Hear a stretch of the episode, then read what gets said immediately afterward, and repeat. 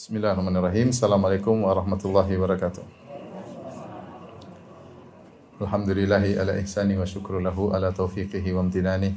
Wa asyhadu an la ilaha illallah wahdahu la syarika lahu ta'ziman li sya'nih wa asyhadu anna Muhammadan abduhu wa rasuluhu da'ila ridwani. Allahumma salli alaihi wa ala alihi wa ashabihi wa ikhwani. Hadirin dan hadirat yang dirahmati oleh Allah Subhanahu wa taala, demikian juga para pemirsa yang dirahmati oleh Allah Subhanahu wa taala. Kita melanjutkan bahasan kajian rutin kita tentang syarah hadis-hadis yang berisi tentang doa-doa pilihan ya, karya Syekh Abdul Razak hafizahullah taala. Dan pada kesempatan kali ini kita akan bahas doa yang sangat agung yang diriwayatkan dalam banyak hadis ya, yaitu doanya Allahumma musarrifal qulub sarrif qulubana ala taatik. Ya, artinya ya Allah yang uh, mengatur hati, mengatur kolbu, maka palingkanlah kolbu kami di atas ketaatan kepadamu. Ya. Eh, pembahasan ini atau doa ini adalah doa yang sangat penting. Dia mirip dengan doa yang sering kita hafal, ya muqallibal qulub, sabit qalbi ala dinik. Wahai pembolak-balik hati manusia, uh, tegarkanlah hati kami di atas agamamu. Pembahasan ini adalah pembahasan yang sangat urgen atau karena uh, kita hidup sekarang di zaman yang penuh dengan fitnah ya. Baik fitnah syubhat maupun fitnah syahwat. Yang fitnah-fitnah tersebut uh, semuanya menyerang hati kita ya. Menyerang hati kita.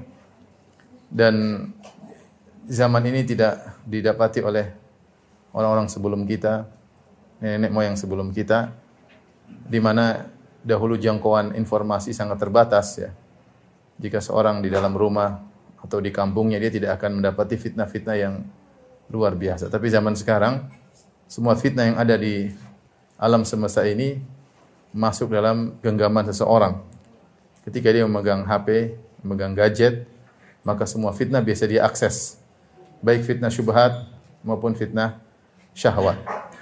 Kita tahu bahwasanya eh, ketika dia mengakses syubhat tersebut, maka dia mungkin melihat atau syahwat, mungkin dia melihat atau dia mendengar atau dia membicarakan dan sebagaimana kita ketahui bahwasanya kolbu itu adalah wi'a kulubul ibad atau iya bahwasanya kalbu seseorang adalah bejana yang menampung apa yang dia lihat dan apa yang dia dengar dan apa yang dia bicarakan. Apa yang dia lihat akan terekspresikan dalam kalbunya dan apa yang dia dengar juga terekspresikan dalam kalbunya dan apa yang sering dia bicarakan juga terekspresikan dalam kalbunya. Ketika sering apa yang dia lihat dan apa yang dia dengar, apa yang dia bicarakan terekspresikan dalam kalbunya, maka ini rawan kalbu itu uh, berubah-ubah dan keluar dari jalan lurus yang ditempuhnya.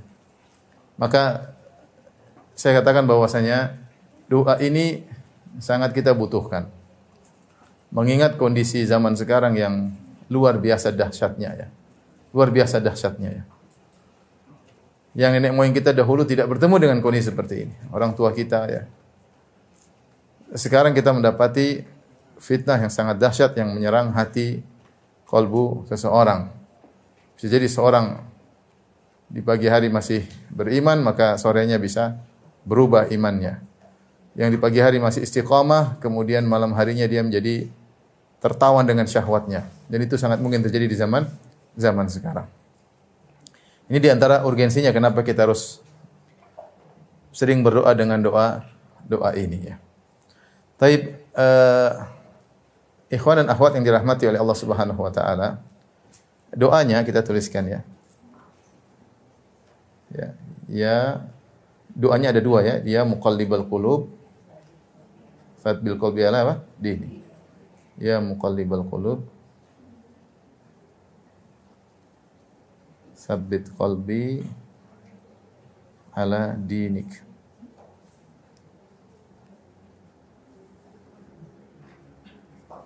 Wahai pembolak-balik hati manusia. Ya muqallibal qulub maksudnya pembolak-balik hati manusia ya.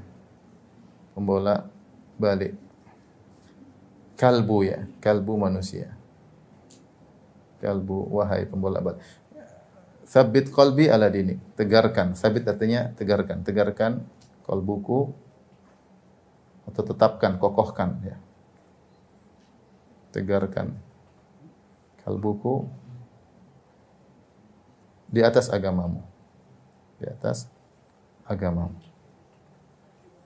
Uh, sering saya bilang kalbu atau kulub diartikan dengan hati ya kalau bahasa Indonesia. Tapi kalbu itu sebenarnya dalam bahasa Arab artinya jantung. Kalbu artinya apa? Jantung, tempat berdenyut, bukan hati.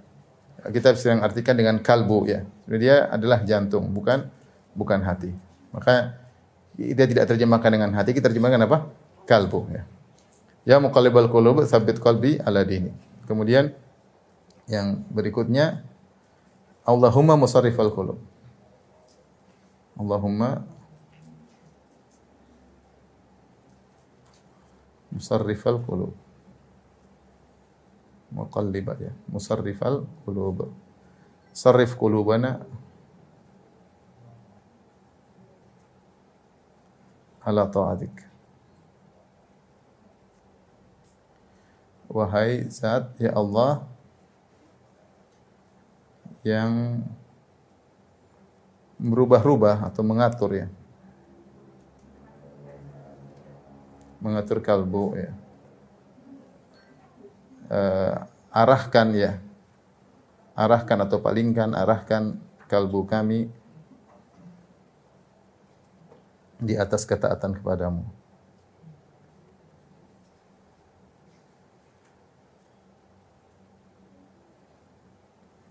Ini apa namanya? Dua doa yang hendaknya kita hafal ya.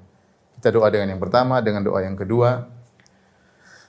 Uh, dua-duanya penting. Kalau yang muqallibal qulub, dia konsentrasinya kepada bahwasanya hati itu mudah sekali berubah atau kalbu itu mudah sekali apa? Berubah. Kalau kita bilang hati ya kalbu ya, kalbu kita ini mudah sekali berubah. Terkadang begini, terkadang begitu, mudah sekali berubah ya. Dan itulah uh, sifat kalbu ya. Sampai uh, sebagian salaf mengatakan Al-qalbu asyaddu taqalluban min al-qidr idza syama'at ghalayanuha ya. Bahwasanya uh, hati itu atau kalbu itu lebih kuat apa namanya gerakannya. Lebih daripada panci kalau air sudah mendidih kan bergerak beriak. Itu lebih lebih cepat lagi atau lebih keras lagi gerakan apa? Hati. Karena begini begini mudah sekali berubah. Demikian juga waqala akhar yang berkata al qalbu asyaddu taqalluban minar rishah bi ardi falatin fi yaumi rihin asif. Bahwasanya kalbu itu atau hati itu mudah sekali berubah-ubah daripada ada buluh yang berada di tengah uh, padang pasir kemudian di angin yang kencang. Dia mudah sekali bergerak ke sana kemari. Kalau kita lihat ada angin sedang bergerak maka kita melihat ada sebuah buluh yang kemudian terbang ke kanan ke kiri ke atas ke bawah diombang-ambingkan oleh angin yang keras tersebut.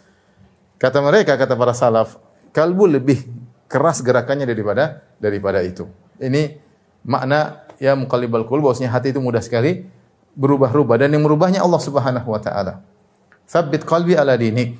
Tegarkanlah hatiku di atas apa?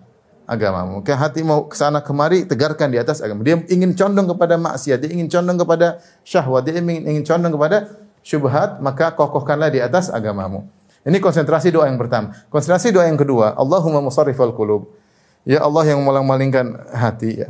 Sarrif qulubana ala taatik. Kalaupun hati kita berpindah dari satu ke yang lainnya, tetap saja dalam lingkungan ketaatan.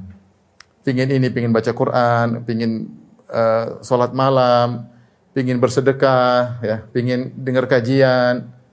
Kalau ibu-ibu pingin taat sama suami, semuanya berubah dari A, B, C, D sampai Z Semuanya kata ketaatan. Itu eh, konsentrasi doa yang kedua. Karena keinginan ini banyak. Kalbu itu punya keinginan yang yang banyak. Dan terkadang dia ingin maksiat.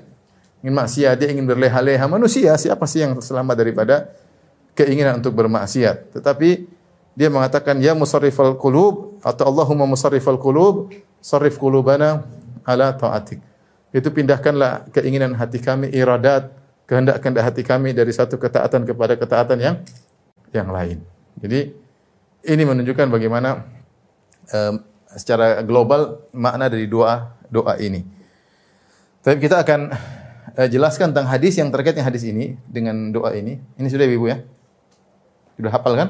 Ya muqallibal qulub, tsabbit qalbi ala dinik. Kemudian Allahumma musarrifal qulub, sarrif qulubana ala taatik. Tahu bedanya ya? Tahu tadi bedanya ya? Taib, adapun hadis-hadis ya tentang doa ini. Hadis-hadis tentang ya muqallibal qulub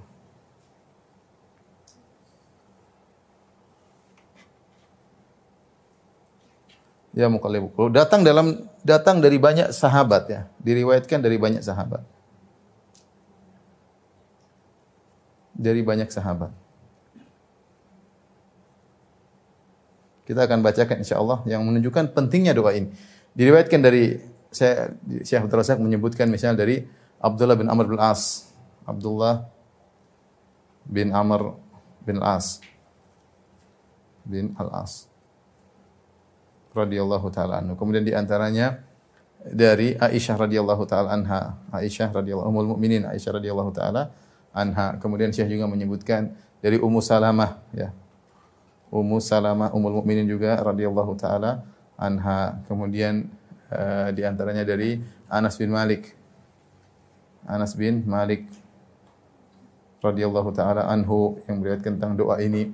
Kemudian Jabir bin Abdullah Jabir bin Abdullah radhiyallahu taala anhu. Kemudian di antaranya uh, adalah dari Sam'an bin bin Nawas bin Sam'an ya. Dari An-Nawas bin Sam'an radhiyallahu taala anhu. Uh, kemudian di antara Ibnu Umar dari Ibnu Umar Ibnu Umar dalam Sahih Bukhari Ibnu Umar radhiyallahu taala anhu. Ini yang saya sempat saya sempat lihat tadi di uh, apa namanya di buku-buku ya sekilas. Ya ini sudah ini sudah cukup banyak 1 2 3 4 5 6 7 7 sahabat tentang doa ya muqallibal qulub tsabbit qalbi ala dini. Yang ini menunjukkan apa? Menunjukkan ya pentingnya doa ini. Pertama pentingnya doa ini. Pentingnya doa ini. Kemudian Nabi sering berdoa sallallahu alaihi wasallam berdoa dengan doa ini. Ya, di berbagai kondisi atau tempat. Di berbagai kondisi. Di dalam rumah, di luar rumah. Ya, Rasulullah SAW sering doa dengan doa, doa ini ya. Karena yang meriwayatkan bukan cuma istri-istri Nabi, yang meriwayatkan juga selain istri-istri Nabi ya. Tapi kita akan bacakan hadis tersebut di antaranya ya. Untuk uh, apa namanya? memberi uh, gambaran tentang pentingnya urgensinya hadis ini atau doa ini. Kata Syekh Abdul Razak, hafizahullah taala, Imam Muslim meriwayatkan dalam kitabnya Sahih dari Abdullah bin Amr bin As radhiyallahu anhuma annahu sami'a Rasulullah yaqul. Jadi Abdullah bin Amr bin As radhiyallahu anhuma dia mengatakan aku mendengar Rasulullah SAW bersabda, "Inna quluba bani Adam kullaha baina usbu'aini min asabi'i ar-rahmani ka qalbin wahidin yusarrifuhu haitsu yasha." Sungguhnya kalbu-kalbu bani Adam seluruhnya berada di antara dua jemari di antara jemari-jemari Allah. Seperti hati yang satu. Allah memalingkannya, mengolahnya, merubah-rubahnya sesuai dengan yang Allah kehendaki. Thumma qala Rasulullah SAW, kemudian Rasulullah SAW setelah menyebutkan tentang kondisi kolbu, Rasulullah SAW berdoa, Allahumma musarrifal qulub, sarrif qulubana ala ta'atik. Wahai zat yang bolak-balikan atau yang mengatur hati, maka palingkanlah hatiku di atas ketaatan kepadamu ya. Di sini Nabi SAW menjelaskan uh, ada beberapa poin. Yang pertama, bahwasanya kalbu kita berada di antara dua jemari. Ya. Ini di antara hadis-hadis terkait dengan sifat-sifat Allah Subhanahu Wa Taala. Bahwasanya kita beriman tentang sifat-sifat Allah Subhanahu Wa Taala sebagaimana kita pahami maknanya, namun kita tidak tahu bagaimana kaifiyahnya. Kaifiyahnya bagaimananya kita nggak tahu, tapi maknanya kita paham. Seperti Allah punya zat. Kita paham Allah punya zat. Kita punya zat atau tidak? Punya zat. Allah juga berzat. Tapi zat Allah kita tidak tahu bagaimananya. Tentu berbeda dengan zat zat kita. Faham Ibu-ibu? Faham ya? Allah punya zat, kita punya zat, tapi zat Allah tidak sama dengan zat zat kita ya. Kita saja zat malaikat tidak sama dengan kita. Zat jin diciptakan dari api tidak sama dengan kita yang tercipta dari tanah. Malaikat tercipta dari cahaya, kita nggak ngerti juga seperti apa. Itu antara kita dengan malaikat dan jin saja kita nggak bisa menganalogikan. Contoh sederhana, Allah menyebutkan dalam Al-Qur'an malaikat punya kolbu, ya jantung. Kata Allah Subhanahu wa taala dalam Al-Qur'an hatta idza fuzzi'a an qulubihim qalu madza qala rabbukum. Ketika dicabut rasa takut dari kalbu para malaikat. Maka malaikat pun tadinya pingsan kemudian sadar ketika rasa takut dicabut dari kalbu mereka dari jantung mereka. Nah, tentu kita tidak membayangkan bahwasanya kalbu malaikat seperti jantung kita ya. Karena kalau kita jelas kita makan dan minum ada kolesterol, ada apa? Ada katupnya, ada detakan, ada macam. Kan malaikat enggak, malaikat tidak makan, tidak minum dan terbuat dari apa? Cahaya. Cuma Allah menyebutkan malaikat punya apa? Kolbu, faham? Nah, apakah kolbu kita sama kolbu malaikat? Tentu jawabannya tidak tidak sama. Tapi Allah menamakan mereka punya kalbu. Di, di kalbu itulah mereka takut, mereka khasyah kepada Allah Subhanahu wa taala, mereka sampai pingsan, tempatnya di kalbu tersebut. Tapi kalbu tersebut tidak sama dengan kalbu kalbu kita. Mau saya kasih gambaran sederhana ini antara kita dengan makhluk. Ya. Malaikat punya kalbu tapi tentu tidak ada vena terus apa arteri ya, apa lagi? Urat nadi, urat inilah, tidak ada katupnya, tidak ada jantung copot. Kalau kita ada jantung apa? Jantung macet ya. Jantung macet, malaikat tidak. Malaikat kenapa? Malaikat tidak makan, tidak tidak minum. Sehingga tidak ada peredaran darah. Jantung kita ada peredaran darah. Tapi kita paham. Namun kita paham maknanya, kalbu malaikat dengan kalbu kita adalah tempat di mana seorang merasa berani, takut, khawatir, itu di kalbu tersebut. Makanya malaikat ketika mendengarkan firman Allah, mereka pingsan. Kapan mereka bisa sadar kembali ketika dicabut rasa takut dari jantung jantung mereka. Tapi kita sangat yakin kalbunya malaikat tidak sama dengan kalbu apa? kalbu kita. Paham? Nah, seperti itu. Demikian juga yang lainnya. Mungkin jin juga punya kalbu, kita nggak tahu kalbunya seperti apa. Seperti apa kalbu tersebut. Ini antara makhluk dengan dengan makhluk kita tahu ada perbedaan yang mencolok dan kita tidak tahu bagaimana hakikatnya. Kita tidak bahkan bisa memikirkan bagaimana kalbu malaikat karena kita nggak pernah lihat malaikat secara langsung dalam bentuk apa? Aslinya. Paham? Ya. Nah, apalagi antara Tuhan dengan makhluk, Tuhan dengan makhluk. Ketika kita tahu Allah punya zat, kita punya juga kita juga punya zat. Sama-sama zat, tetapi zat Allah tentu tidak sama dengan zat zat kita ya. Tidak sama dengan zat kita. Kemudian juga uh, dalam hadis disebutkan bahwasanya Allah Subhanahu wa taala punya wajah, maka tidak sama dengan wajah apa? Wajah makhluknya. Melihat wajah Allah adalah puncak kelezatan pada di surga kelak ya. Dialah puncak kelezatan di surga kelak. Tidak sama dengan wajah makhluknya sama sama sekali. Demikian juga ketika kita bicara Allah punya tangan. Maka jangan kita bayangkan seperti tangan apa? Manusia. Tangan Allah sangat uh, hebat, sangat besar. Kata Allah wal ardu jami'an qabdatuhu yaumal qiyamah was samawati matwiyatun bi yaminih. Bahwasanya uh, bumi pada hari kiamat kelak dalam genggaman Allah dan langit akan dilipat dengan tangan kanan Allah Subhanahu wa taala. Namun tidak kita bisa bayangkan seperti kita. Kita enggak enggak tahu seperti seperti apa, ya.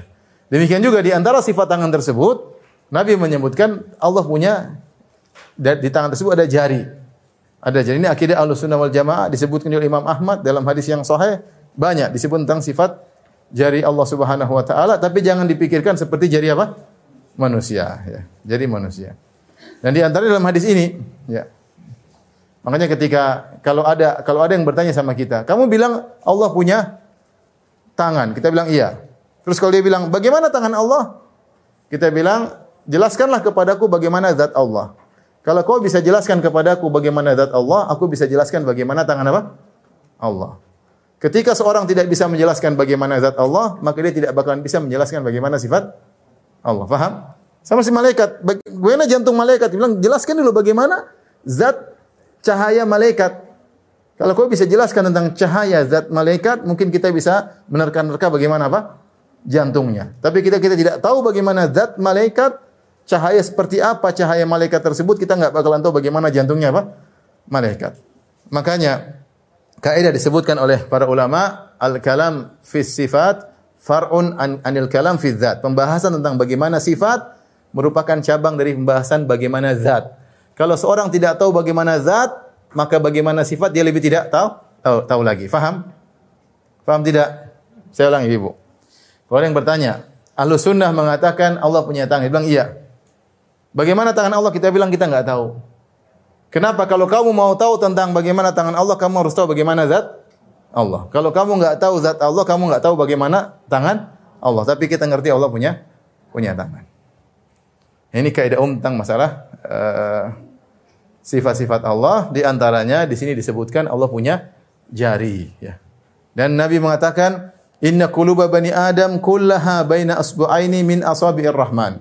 Sungguhnya seluruh kalbu-kalbu manusia berada di antara dua jemari Allah Subhanahu wa taala.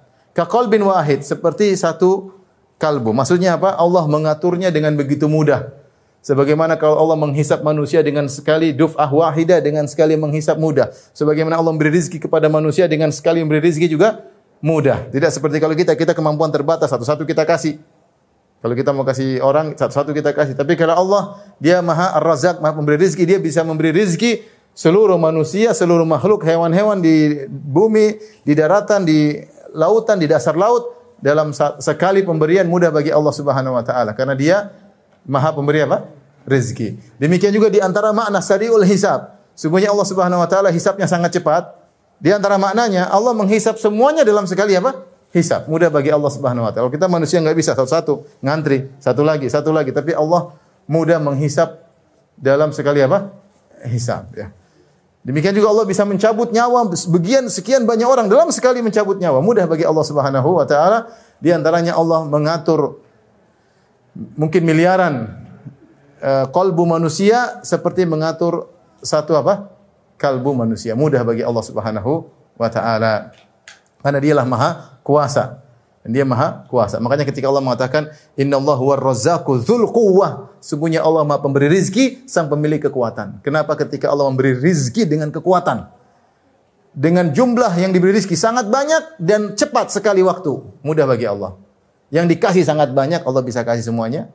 Ya, saya, saya kemarin baru turun pesawat di Jakarta lihat rumah banyak sekali. Manusia banyak sekali di Jakarta. rumah dempet-dempet. Tapi semuanya sarapan pagi enggak? Semua sarapan pagi. Bukan bukan manusia saja, kucing-kucingnya juga, kemudian mungkin cacing-cacing di bawah juga ikut makan. Siapa yang bisa ngatur rezeki mereka semua? Allah. Kenapa? Karena dia selain pemberi rezeki dia Dzul memberi rezeki dengan kekuatan. Jumlah yang banyak dia bisa kasih dalam waktu yang singkat, dalam waktu satu waktu. Sama ketika Allah Subhanahu wa taala mengatur hati-hati manusia seperti mengatur satu hati mudah bagi Allah Subhanahu wa taala. Kemudian kata Nabi SAW, yusarrifuhu haitsu yasha. Allah membolak-balikan hati, memalingkan hati ke sana kemari yang Allah kehendaki. Kemudian Nabi setelah menyampaikan hal ini, kemudian beliau berdoa, Allahumma musarrifal qulub, sarrif qulubana ala ta'atik. Wahai zat yang memaling-malingkan, membolak-balikan, memalingkan hati ke sana kemari, palingkanlah hatiku di atas ketaatan kepadamu. Taib. Kemudian hadis berikutnya menunjukkan bahwasanya ini adalah doa yang paling sering dibaca oleh Nabi sallallahu alaihi wasallam. Dari Aisyah radhiyallahu taala anha beliau berkata, "Da'awatun kana Rasulullah SAW yukthiru an yad'uha biha." Kata Aisyah ada di sana doa-doa spesial yang Nabi sering membaca doa-doa tersebut. Di antaranya, "Ya muqallibal qulub, tsabbit qalbi ala dinik." Ya muqallibal qulub, tsabbit qalbi ala dinik. Wahai pembolak-balik hati, kokohkanlah kalbuku di atas agamamu. Qalat Aisyah berkata, "Qultu, ya Rasulullah, innaka tuksiru tad'u bi hadzal doa." Ya Rasulullah, engkau sering kali berdoa dengan doa ini. Faqala, "Inna qalbal adami baina usbu'aini min asabi'illah." Sungguhnya kalbu manusia itu berada di antara dua jemari Allah Subhanahu wa taala. Fa idza syaa'a zaghaha wa idza syaa'a qamahu. Kalau Allah berkehendak Allah palingkan, kalau Allah kehendak Allah luruskan hati tersebut. Makanya Nabi sering berdoa dengan doa ini karena khawatir hatinya berubah. Kemudian juga hadis dari Ummu Salamah. Dari Syahr bin Hausyab dia berkata, "Wahai Ummu Salamah, ya ummul mukminin, ma kana aktsara du'ai Rasulillah sallallahu alaihi wasallam kana indaki?" Apa sih yang paling sering dibaca oleh Nabi doa yang paling sering dibaca oleh Nabi ketika berada di sisimu yaitu sedang di rumah. Di sisi apa? Ummu Salamah. Qalat kana aktsaru du'aihi ya muqallibal qulub tsabbit qalbi ala dinik. Kata Ummu Salamah doa yang paling sering dibaca oleh Nabi doa ini. Wahai pembolak-balik hati manusia, tegarkanlah hatiku di atas agamamu. Qalat qultu lahu, kata Ummu Salamah, aku bertanya kepada Nabi, ya Rasulullah, aktsara doa aktsar uh, ma aktsara doaaka ya muqallibal qulub tsabbit qalbi alinik. Betapa sering kau baca doa dengan doa ini ya Rasulullah? Kata Nabi SAW, Ya Umma Salamah, wahai istriku Ummu Salamah, Innahu laisa min adamiyin illa wa qalbuhu baina usbu'aini min asabi'illah azza wa jalla ma syaa aqama wa ma syaa azagha.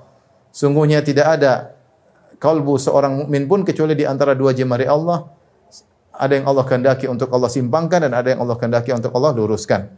Demikian juga Anas bin Malik radhiyallahu anhu. Karena Rasulullah SAW yuksiru an yaqul. Kata Anas, kata Anas radhiyallahu anhu, Rasulullah SAW sering berdoa dengan doa ini. Ya muqallibal qulub, tsabbit qalbi ala dinik. Fakultu, perhatikan sini. Kata Anas, Ya Rasulullah, amanna bika wa bima ji'ta bihi, fahal takhafu alaina. Ya Rasulullah, kami telah beriman kepada anda, dan kami telah beriman dengan apa yang anda bawa. Apakah anda khawatir kepada kami? Khawatir hati kami menyimpang? Anda khawatir sama kami? Kami sudah beriman. Kata Nabi, Naam, iya saya khawatir. Ya. Khawatir hati kalian bisa apa? Berubah. Kenapa? Innal quluba baina usbu'aini min asabi'illah yuqallibuha kaifa.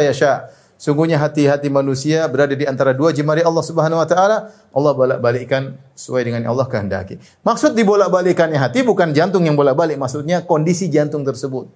Kondisi kalbu ter tersebut yang terkadang pingin begini, terkadang pingin gitu, terkadang jadi demikianlah kondisi kita tidak bisa mengatur apa? kalbu kita. Kita ini kalbu milik siapa? Milik kita. Tapi kita nggak bisa nggak ngatur. Berarti ngatur sungguhnya siapa? Allah Subhanahu wa taala. Betapa sering kalbu itu berkhianat ya. Ibu-ibu aja kalau mau sholat, kemudian mau khusyuk ternyata nggak bisa. Kenapa? Karena kita nggak bisa mengatur apa? Kalbu kita. Nggak bisa. Dia pingin mikirin ini, dia pingin mikirin anu, dia pingin menghayal ini. Kita mau paksa berpaling nggak bisa. Menunjukkan kalbu ini apa sering lepas lepas kontrol. Dan itu paling berbahaya ketika seorang akan mau meninggal dunia. Dia ingin mengontrol hatinya supaya ingat sama Allah, ternyata pikirannya ke mana-mana. Ya, itu sangat berbahaya. Karena kita tahu yang menguasai hati siapa? Allah Subhanahu wa Ta'ala. Makanya ada seorang Arab Badui ditanya, ya, bi syai'in bi ayyi syai'in arafta rabbak? Dari mana engkau mengenal Tuhan itu ada? Jawaban dia orang Arab Badui ini, dia mengatakan binaqdil azaim wa sarfil himam. Kata dia, dengan berubahnya azimah saya sudah bertekad tiba-tiba berubah. Ya tiba-tiba saya ingin sesuatu tiba-tiba berpaling keinginan saya. Itu menunjukkan yang menguasai hatiku bukan aku tapi sang pencipta apa? Hati. Berarti ada pencipta. Ya tiba-tiba pingin ini saya pingin ini. Sudah bertekad tiba-tiba bisa bisa berubah. Pingin ke A tahu-tahu bisa berubah ke ke B. Demikianlah hati kita nggak bisa kontrol ya. Tidak bisa kontrol ya. Ini menunjukkan ada yang menguasai hati tersebut yaitu Allah Subhanahu wa taala. Makanya Anas berkata, "Hal fahal takhafu alaina?" Ya Rasulullah, apakah Anda khawatir dengan kami? Kata Nabi, "Iya, aku khawatir." Ini kita bicara Anas bin Malik radhiyallahu anhu yang hidup di zaman sahabat yang fitnah mungkin tidak banyak, baik syubhat maupun syahwat sedikit. Itu pun Nabi khawatir hati para sahabat bisa berubah, apalagi di zaman sekarang ya. Saya tidak berbicara tentang orang awam, saya bicara kita kalangan ustadz pun kalau tidak di, dijaga oleh Allah tidak gampang untuk bisa menjaga hati ini, untuk istiqamah, untuk selalu berzikir kepada Allah, untuk selalu ingat akhirat tidak gampang. Dunia dibuka di hadapan kita dengan selebar-lebarnya. Syubhat tertampang di hadapan kita dengan uh, selebar-lebarnya, ya syahwat terpampang di dengan selebar-lebarnya. Kalau seorang tidak dijaga hatinya oleh Allah, dia akan terjebur dan bisa berubah berubah hatinya. Ya, bisa berubah hatinya. Siapa yang bisa menjamin dirinya ikhlas? Tidak ada yang saya jamin. Dia ikhlas hari ini, besok mungkin sudah tidak ikhlas. Hari ini dia tidak ingin ketenaran, minggu depan dia ingin terkenal. Siapa yang bisa jamin? Kenapa? Karena begitu besarnya godaan untuk dia ingin terkenal, ingin akhirnya ingin terkenal. Akhirnya hatinya tidak ikhlas lagi tapi cinta dengan popularitas. Dan itu bisa terjadi menimpa siapa? Siapa saja. Ya. ya.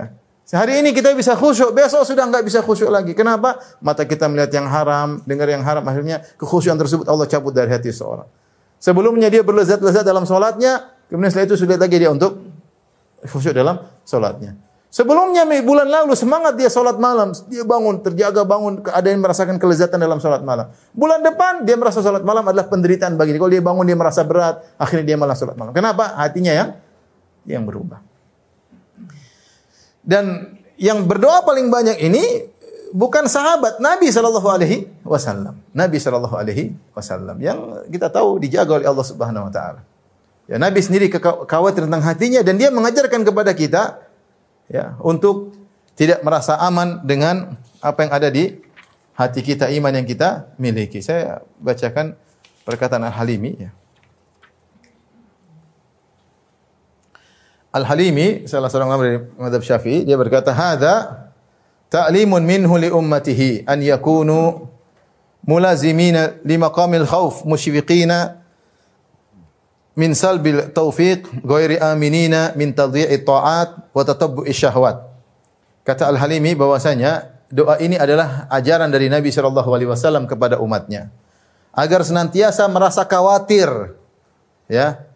Selalu takut jangan merasa pede selalu takut. Takut dengan perubahan hatinya ya. Musyfiqina min sabit taufik dia takut hati, taufik dicabut dari hatinya yaitu bimbingan dari Allah tercabut dari hatinya sehingga dia tidak lagi terbimbing untuk dalam ketaatan. Jangan merasa aman dengan melalaikan ketaatan dan mengikuti syahwat. Jangan merasa aman. Kita ini sering melalaikan apa ketaatan dan sering kita mengikuti apa? Syahwat. Maka jangan pernah merasa aman. Di antaranya sering berdoa dengan doa ini ya muqallibal qulub tsabbit qalbi ala dini.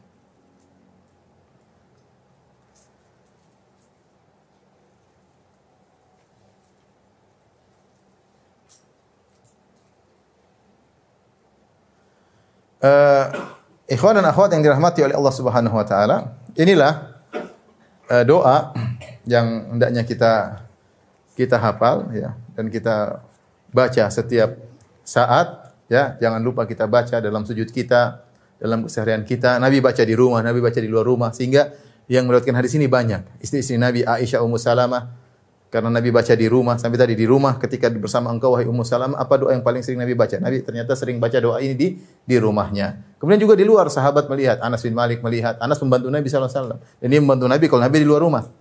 Kalau Nabi di luar ternyata Nabi di luar rumah juga paling sering baca doa ini. Kemudian tadi Abdullah bin Amr bin As juga meriwayatkan dari Jabir bin Abdullah dan banyak. Taib beberapa faedah terkait hadis ini. Ini sudah Ibu ya?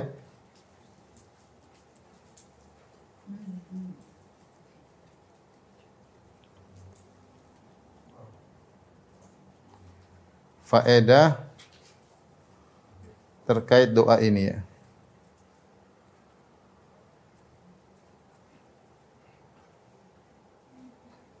Disebutkan oleh Syekh Abdul Razak juga dalam uh, bukunya ya. Kita ringkaskan ya. Bahwasanya yang memberi yang mengatur hati siapa? Allah. Allah. Jika seorang taat taat, hatinya tenang, jangan sombong. Jangan apa? Takabur, jangan sombong, jangan ujub. Nabi menekankan hal ini bahwasanya insya'a azagahu wa insya'a qamahu. Kalau Allah berkehendak Allah simpangkan hati, kalau Allah berkehendak Allah luruskan apa? Hati. Jadi yang mengatur hati kita siapa? Allah. Dan ini Allah sebut dalam Al-Qur'an banyak bagaimana hati yang ngatur adalah Allah Subhanahu wa taala. Contoh Allah mengatakan yamunnuna 'alaika an aslamu qul la tamunnu 'alaika islamahum walakinna Allah yamunnu 'alaihim an hadahum lil imani. Ya. Akan tapi Allah yang jangan kalian merasa mentang-mentang sudah beriman tetapi yang berikan kalian anugerah iman siapa? Allah Subhanahu dalam surat Al-Hujurat ya. Allah menjelaskan bahwasanya yang beri hidayah iman itu adalah siapa? Allah. Demikian Allah mengatakan Walakin Allah habbaba ilaikumul imana wa zayyanahu fi qulubikum wa karraha ilaikumul kufra wal fusuqa wal isyan. Akan tapi Allah yang menjadikan kalian cinta dengan keimanan dan Allah hiaskan keimanan dalam hati kalian. Dan Allah membuat hati kalian benci dengan kemaksiatan, kekufuran dan kefasikan. Kalau hati kita enggak suka lihat maksiat itu anugerah dari Allah. Ada orang bukan enggak suka, malah senang, ya kan? Kita juga pernah kita pernah bermaksiat, kita pernah cenderung dengan maksiat, kita pernah suka dengan nonton maksiat. Ya. Banyak di antara kita dulu sufi, suka film. Kemudian kemudian sadar ya. Artinya apa? Bahkan saya saya kemarin baru lebih ngobrol sama sebagian teman. Saya bicara zaman sekarang sebenarnya mengatakan ustaz, sebagian ikhwan-ikhwan sudah berjenggot, sudah cingkrang masih suka ke bioskop. Ini ini kita kita bicara kenyataan. Ibu-ibu juga mungkin ya. Mungkin panitia pengajian tapi masih suka ke ke bioskop. Artinya Dari mana ketahuannya? Ketika sebagian ikhwan-ikhwan daftar ke sebagian sekolah. Wawancarailah anak sama orang tuanya. Kemudian orang tuanya ditanya, "Bapak suka nonton Korea apa enggak?" "Oh, enggak, enggak, enggak, enggak, enggak pernah." Anaknya ditanya. Anaknya polos. Nah, orang tua gimana? Oh, kapan Bapak, Bapak suka nonton film? Oh, ya, minggu lalu ke bioskop. Jadi ketahuan bapaknya penampilannya Islami tapi anaknya ngaku minggu lalu masih ke mana? Ke bioskop. Saya bukan bicara ini, maksudnya ini sesuatu yang membuktikan bahwasanya hati kita tidak gampang untuk kita mengontrolnya.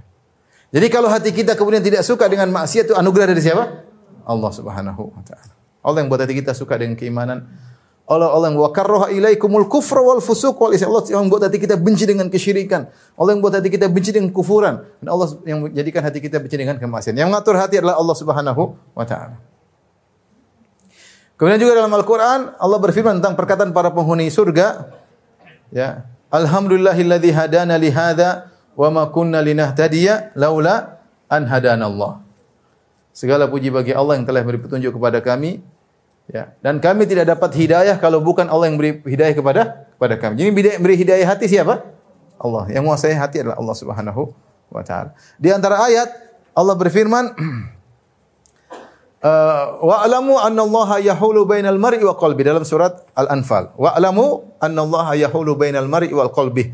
Ketahuilah Allah yang menghalangi antara seorang dari hatinya. Itu sebagian ulama menafsirkan ketika ada kekufuran ingin masuk dari hatinya Allah yang mencegah sehingga kufuran tidak masuk dalam apa? hatinya. Allah yang menjaga apa? hatinya. Jadi ketika seorang mendapat hidayah, dia bersyukur kepada siapa? Allah. Dia tahu bahwa yang menguasai hatinya adalah Allah. Jangan dia jangan dia ujub, jangan dia ujub. Tadi saya sebutkan ayat-ayat yang menjelaskan bahwa yang mengatur hati adalah Allah Subhanahu wa taala. Yang kedua, e, begitu butuhnya kita dengan doa ini agar kolbu kita dijaga Allah. Kolbu kita dijaga Allah. Lihat. Dalil akan hal ini Nabi sering baca. Sering baca doa ini. Selain kemudian tadi Nabi Nabi mengkhawatirkan siapa? Sahabat kan? Nabi mengkhawatirkan Anas bin Malik. Nabi sallallahu alaihi wasallam mengkhawatirkan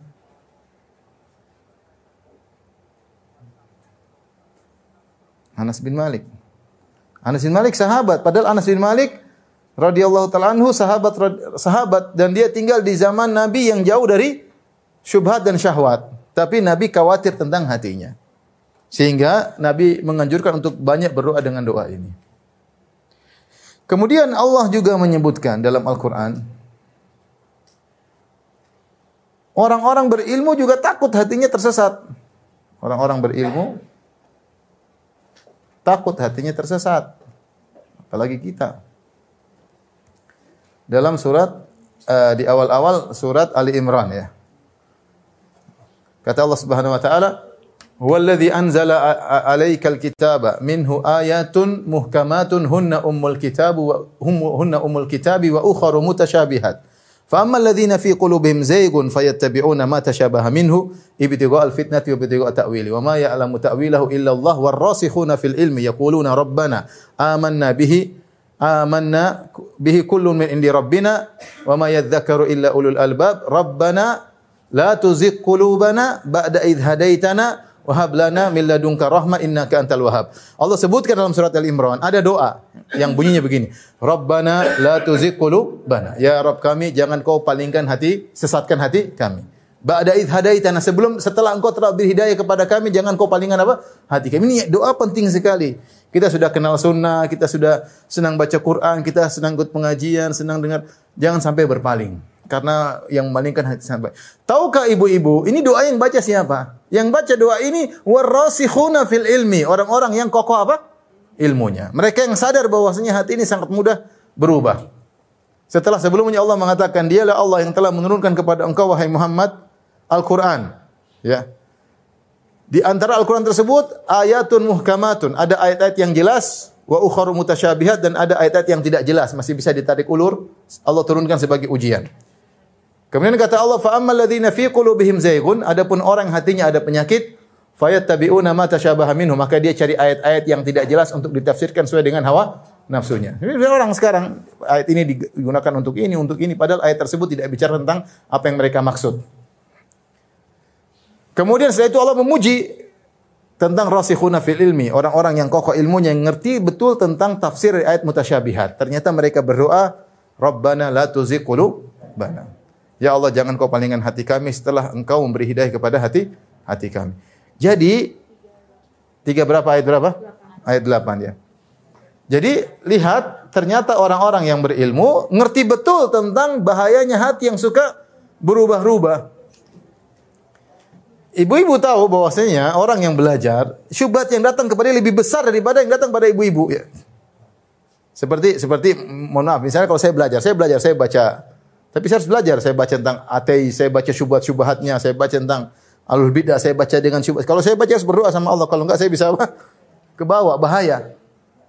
Syubhat-syubhatnya ateis luar biasa, syubhat-syubhatnya orang kafir luar biasa, syubhat-syubhat ahlul bidah luar biasa. Kalau kita enggak berlindung sama Allah, kita bisa apa? terpengaruh. Oh ya benar juga. Oh benar juga. Akhirnya kita jadi orang bimbang dalam beragama. Jadi orang bingung. Baca filsafat ke bawah. Baca filsafat Yunani ke bawah. Jangan coba-coba kalau enggak, enggak usah. Tapi kita harus baca karena kita ingin membantah. Nah, ketika kita baca kita berlindung sama Allah Subhanahu karena syubhat yang datang lebih kuat daripada yang datang pada masyarakat awam. Maksud saya, makanya orang yang berilmu mereka berdoa, Rabbana la tuzigh qulubana ba'da idh hadaitana. Dan ini doa yang sangat kita butuhkan. Nah, kalau ini orang-orang top Nabi Shallallahu Alaihi Wasallam, orang berilmu para sahabat selalu berdoa, butuh berdoa. Bagaimana lagi dengan apa? kita. Bagaimana lagi dengan kita yang begini modelnya? Bagaimana lagi dengan ibu-ibu? Ibu-ibu yang suka nonton ngerumpi, eh, repot.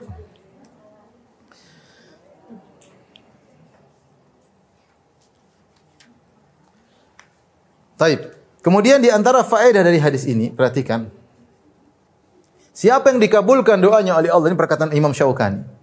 Siapa yang dikabulkan doanya? Hatinya dijadikan Allah tidak mikir maksiat. Tidak mikir maksiat. Maka ibu benar-benar doalah dengan doa ini. Saya bacakan perkataan Imam Syaukani rahimahullah ulama Yaman. Ia berkata,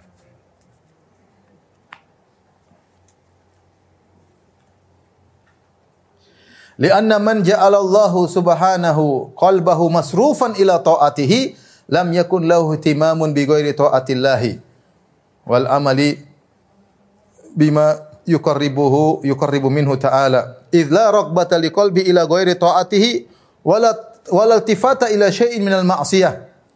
Kata kata Imam Imam Syaukani rahimahullah ya. Uh, dia, beliau berkata, siapa yang Allah menjadikan hatinya terpaling kepada kan kita berdoa apa? Allahumma musarrifal qulub. Tadi saya bilang tasrif tuh berubah-ubah kanan ke kiri. Tetapi kita minta sama Allah agar hati kita ditasrifkan kepada ketaatan. Artinya berubah dari satu ketaatan ke ketaatan yang lain. Paham? dari keinginan baca Quran, keinginan sholat malam, keinginan bersedekah, kerinduan untuk bertasbih, kerinduan ingin dengar pengajian, kerinduan ingin berbakti sama orang tua, kerinduan untuk taat kepada suami. Kita hanya keinginan berubah-ubah dari satu ketaatan kepada ketaatan yang yang lain. Itu doa kita kalau dikabulkan seperti itu hati kita nanti. Kata Imam, Imam Syaukani rahimahullah, siapa yang dikabulkan doanya oleh Allah sehingga hatinya masruf terarah kepada ketaatan kepada Allah, maka tidak ada perhatian dia sama maksiat, tidak ada dan tidak ada keinginan sama sekali untuk kepada kemaksiatan. Kecondongan maksiat tidak ada. Tidak ada kepingin nonton ini, nggak ada kepingin lihat ini. Kalau ada kelewat depan dia, dia nggak ngeklik, dia nggak peduli. Tapi kalau hatinya sakit kan pengen ngeklik, ya nggak? Lewat berita ini, berita artis keklik, ting. Yang ngeklik bapak-bapak, ngeklik nih artis artis akhwat, artis akhwat. Cewek dilihat. Ibu-ibu ngelihat cowok, ya, bapak terpesona dengan cewek-cewek maksiat. Tapi kalau hatinya Benar-benar dia tidak dia sudah dia dia cuek aja, dia cuek. Dia ini dia godaan, dia lewat begitu saja mudah bagi dia untuk meninggalkan semua itu tanpa harus menggeklik sama sama sekali. Itu siapa yang dikabulkan doanya oleh Allah Subhanahu wa taala. Kalau enggak pikirannya dari maksiat yang satu ke maksiat yang lain. Dari hasad ke dengki, dari dengki dendam, dari dendam ya Allah. Terus ingin ini, ingin nonton ini. Dari nonton film Korea pengen nonton film apa? Nonton film India. Dari film India pengen nonton layangan putus. Dari nonton pengen nonton lagi Ah, kenapa saya tidak tahu? Karena ada yang lapor. Subhanallah. Akhirnya apa? Berpindah dari satu maksiat ke maksiat yang yang lain. Maka berdoalah kepada Allah dengan sekuat-kuatnya ya.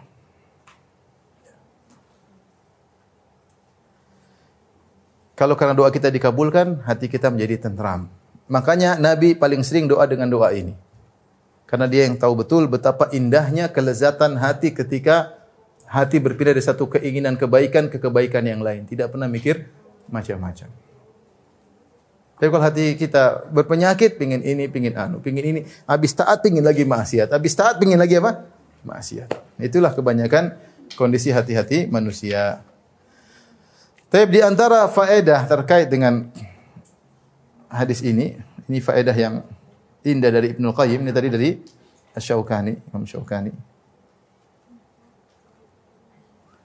Uh, kondisi kalbu ada tiga.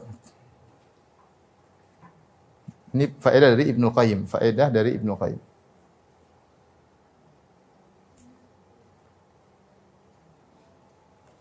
Saya bacakan.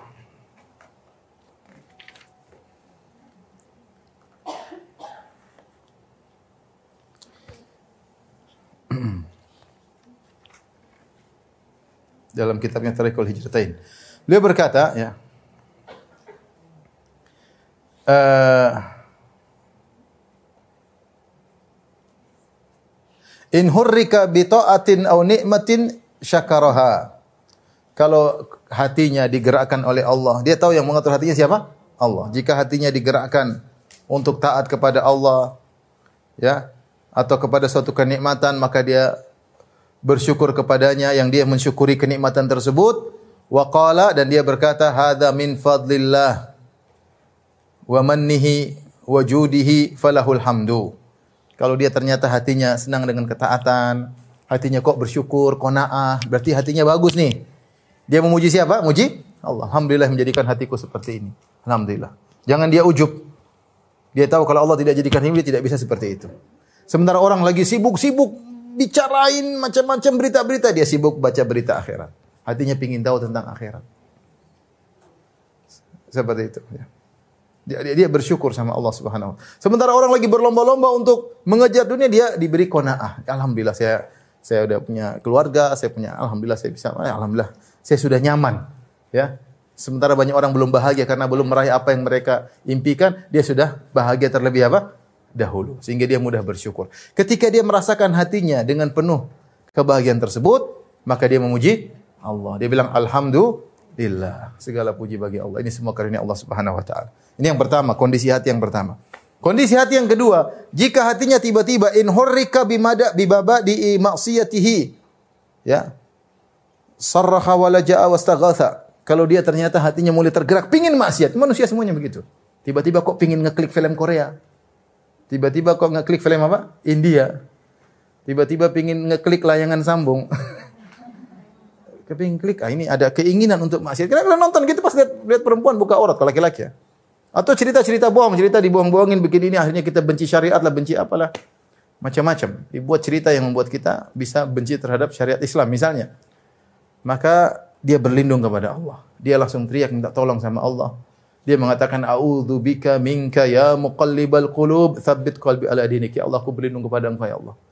Ya Allah yang melang-balikan hati manusia, tegakkanlah hatiku di atas apa? agamamu. Jangan dia teruskan. Langsung dia berkata, ya muqallibal apa? qulub. Langsung dia minta. Sehingga tidak jadi, tidak jadi. Kalau dia tidak berdoa, sudah bablas. Dan kebanyakan maksiat awalnya sangat mudah. Misalnya apa Zina dimulai dari apa? Dari pandangan. Ya. Dari pandangan. Seandainya orang bisa menjaga pandangan pertama, yang lain mudah dia tinggalkan. Tapi kalau sudah terlanjur melihat, melihat akhirnya terjebak dan akhirnya terjerumus dalam zina. Kata seorang penyair, kulul hawadithi mabda'uha minan nazar. Sungguh banyak peristiwa-peristiwa yang buruk dimulai dari apa? Dari pandangan. Ya. Wa mu'dhamun wa mu'dhamun nari min mustasghari syarar dan bahwasanya api yang besar berasal dari percikan yang kecil. Seandainya percikan ini tidak kita nyalakan akan timbul api besar atau tidak? Tidak. Seandainya seorang tundukkan pandangan selesai atau tidak? Selesai. Tapi begitu dia melihat, melihat orang, melihat ini, akhirnya terjerumus dalam maksiat yang lebih jauh. Ketika sudah terjerumus dia tidak bisa keluar lagi. Akhirnya dia harus melakukan maksiat supaya dia bisa terlepas dari uh, tawanan syahwatnya. Ketika dia sudah melakukan maksiat, tawanan dia tertawan lagi untuk kedua kalinya, ketiga kalinya ter, tercandu dan dia tidak bisa terlepas lagi. Oleh karenanya, begitu ada gerakan hati untuk bermaksiat, langsung berlindung sama Allah. Doanya gimana? Ya muqallibal qulub, sabit qalbi ala dinik. Langsung ngomong. Sebelum kebablasan. Dan sifat manusia kalau sudah terlanjur sekaligus katanya, sekalian apa? Sekalian basah. Kalau orang berjalan di suatu jalan, dia ada duri-duri, dia akan berusaha menghindar. Tapi kalau sudah terlanjur kena duri, ya apa? Apa nih kalau bahasa Jawa? Ya sudahlah terlanjur, ya, injak nggak ada masalah. Wes kadung, wes kadung, wes kadung. Sekadung basah ya sudah. Ya. Tapi kalau dia hati-hati, begitu langsung dia langsung ber, istighfar, dia langsung ya Allah lindungi aku, maka dia tidak terjerumus. Ini kondisi hati yang kedua. Ketika tergerak untuk maksiat segera minta perlindungan kepada sang pemilik hati yaitu Allah Subhanahu wa taala.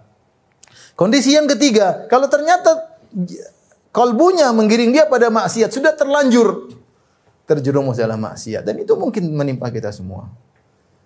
Apa yang kita lakukan? Kata Ibnu Qayyim rahimahullah taala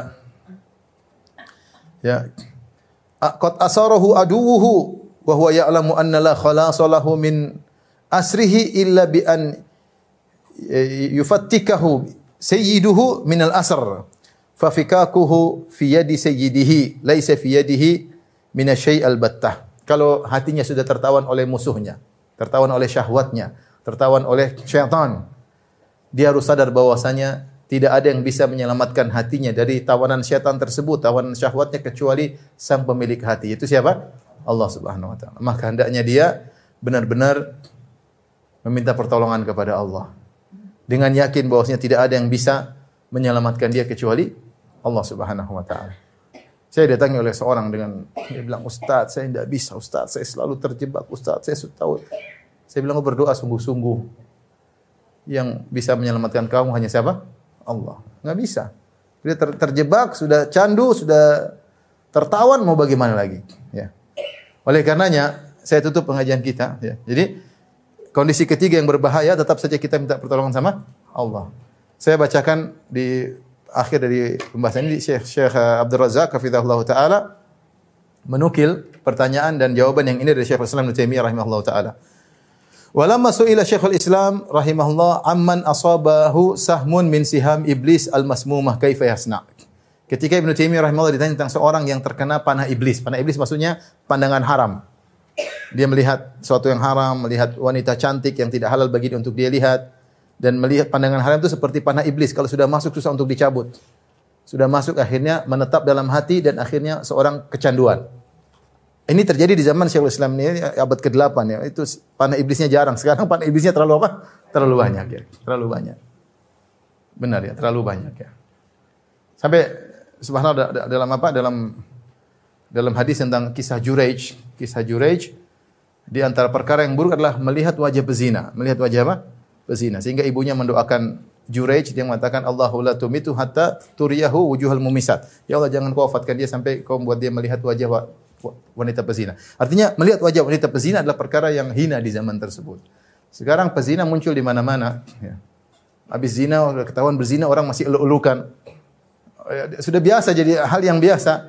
Laki-laki dan perempuan melihat laki-laki pezina, melihat perempuan pezina hal biasa, maka dielu-elukan juga oke okay saja, nggak ada masalah. Itu musibah zaman ini ya. Ya. Bagaimana kalau sudah tertawan dengan artinya panah iblis di mana-mana. Ini Ibnu Taimiyah ditanya di abad ke-8, tentang seorang yang terkena panah iblis yang beracun dan tidak bisa keluar dari hatinya. Hatinya dia tertawan dengan syahwat. Maka apa kata Syekhul Islam Ibnu Taimiyah rahimahullah taala? Apa yang harus dia lakukan? Kata Ibnu Taimiyah, "Man asabahu jarhun masmum fa alaihi bima yukhriju summa wa yubri'ul jarah bitiryaq wal marham wa dzalika bi umur." Siapa yang terkena uh, luka dengan panah yang beracun, maka hendaknya dia keluarkan racunnya dari luka tersebut dengan pengobatan yaitu dengan balsam, dengan uh, obat yang diminum agar racunnya bisa bisa keluar. Wadzalika bi umur. Hal itu bisa dilakukan dengan beberapa perkara. Pertama, an yudawim ala salawatil khamsi wa du'ai wa tadarrui waqta sahar. Jangan lupa selalu salat lima waktu. Dan benar-benar berdoa terutama di waktu sahur. Habis sholat malam berdoa sama Allah menangis di situ agar racun tersebut bisa keluar. Artinya kecanduan tadi bisa keluar. Kalau enggak dia enggak mungkin mati dalam kondisi apa? Kecanduan bermaksiat. Dan betapa banyak orang kecanduan bermaksiat nonton yang tidak-tidak bertahun-tahun. Tidak bisa tercabut dari apa? Hatinya. Sudah kecanduan mau diapain? Wa takunu salatuhu bihuduri qalbin wa khusyu'in. Dan hendaknya ketika dia salat lima waktu tersebut benar-benar khusyuk dengan hati yang hadir. Benar-benar dia minta sama Allah Subhanahu wa taala. Ini yang pertama. Jadi dia eh, yang kedua berdoa di waktu sahur dan salat lima waktu dengan salat yang khusyuk. Yang berikutnya wal yukthir minad du'a bi qawlihi dan jangan lupa untuk sering berdoa dengan doa ya muqallibal qulub tsabbit qalbi ala dinik. Ya musarrifal qulub sarrif qalbi al ila taatik wa taati rasulik. Berdoa. Ya pembolak-balik hati manusia. Tegarkanlah hatiku di apa? Agama. Wahai yang maling-malingkan hati manusia, palingkanlah hatiku selalu dalam ketaatanmu dan ketaatan kepada Rasulmu. Fa innahu mata admana du'a wa tadarru'a lillahi sarafa qalbahu an dhalik. Kapan dia terus-terusan berdoa kepada Allah dan selalu bertadarru itu merendah, merengek di hadapan Allah Subhanahu wa taala, maka Allah akan palingkan hatinya dari racun tersebut. Racunnya akan dicabut oleh Allah. Kecanduan tadi akan hilang. Kama qala ta'ala, "Kadzalika linasrifa anhu su'a wal fahsya innahu min ibadinal mukhlasin." Demikianlah Allah kami demikian kami palingkan dari Nabi Yusuf keburukan dan perbuatan keji, sungguhnya dia termasuk hamba-hamba yang hamba-hamba kami yang ikhlas. Ini Bapak Ibu yang Allah Subhanahu wa taala, doa yang sangat bermanfaat. Jangan lupa kita sering berdoa dengan doa ini ya dalam sujud kita. Kita lagi jalan kita bilang ya muqallibul enggak ada masalah ya. Angkat tangan sebentar ya muqallibal qulub tsabit qalbi ala ini enggak ada masalah. Nabi sering doa dengan doa tersebut dalam rumah, di luar rumah. Ya, karena tapi doa tersebut dengan doa berkualitas artinya menghadirkan hati bahwasanya saya butuh dengan bimbingan Allah. Begitu banyak syubhat, begitu banyak fitnah. Kapan saja kita bisa kejungkal, kapan saja kita bisa tergelincir. Satu satu pandangan bisa membuat kita tergelincir. Satu hal yang kita dengar bisa buat hati kita bisa bisa berubah. Tidak ada yang menolong kecuali Allah Subhanahu wa taala. Tapi demikian saja uh, kajian kita. Bapak Ibu yang rahmatillah subhanahu kita lanjutkan pada kesempatan yang lain. Subhanakallah bihamdik asyhadu an la ilaha illa anta astaghfiruka wa atubu ilaik. Assalamualaikum warahmatullahi wabarakatuh.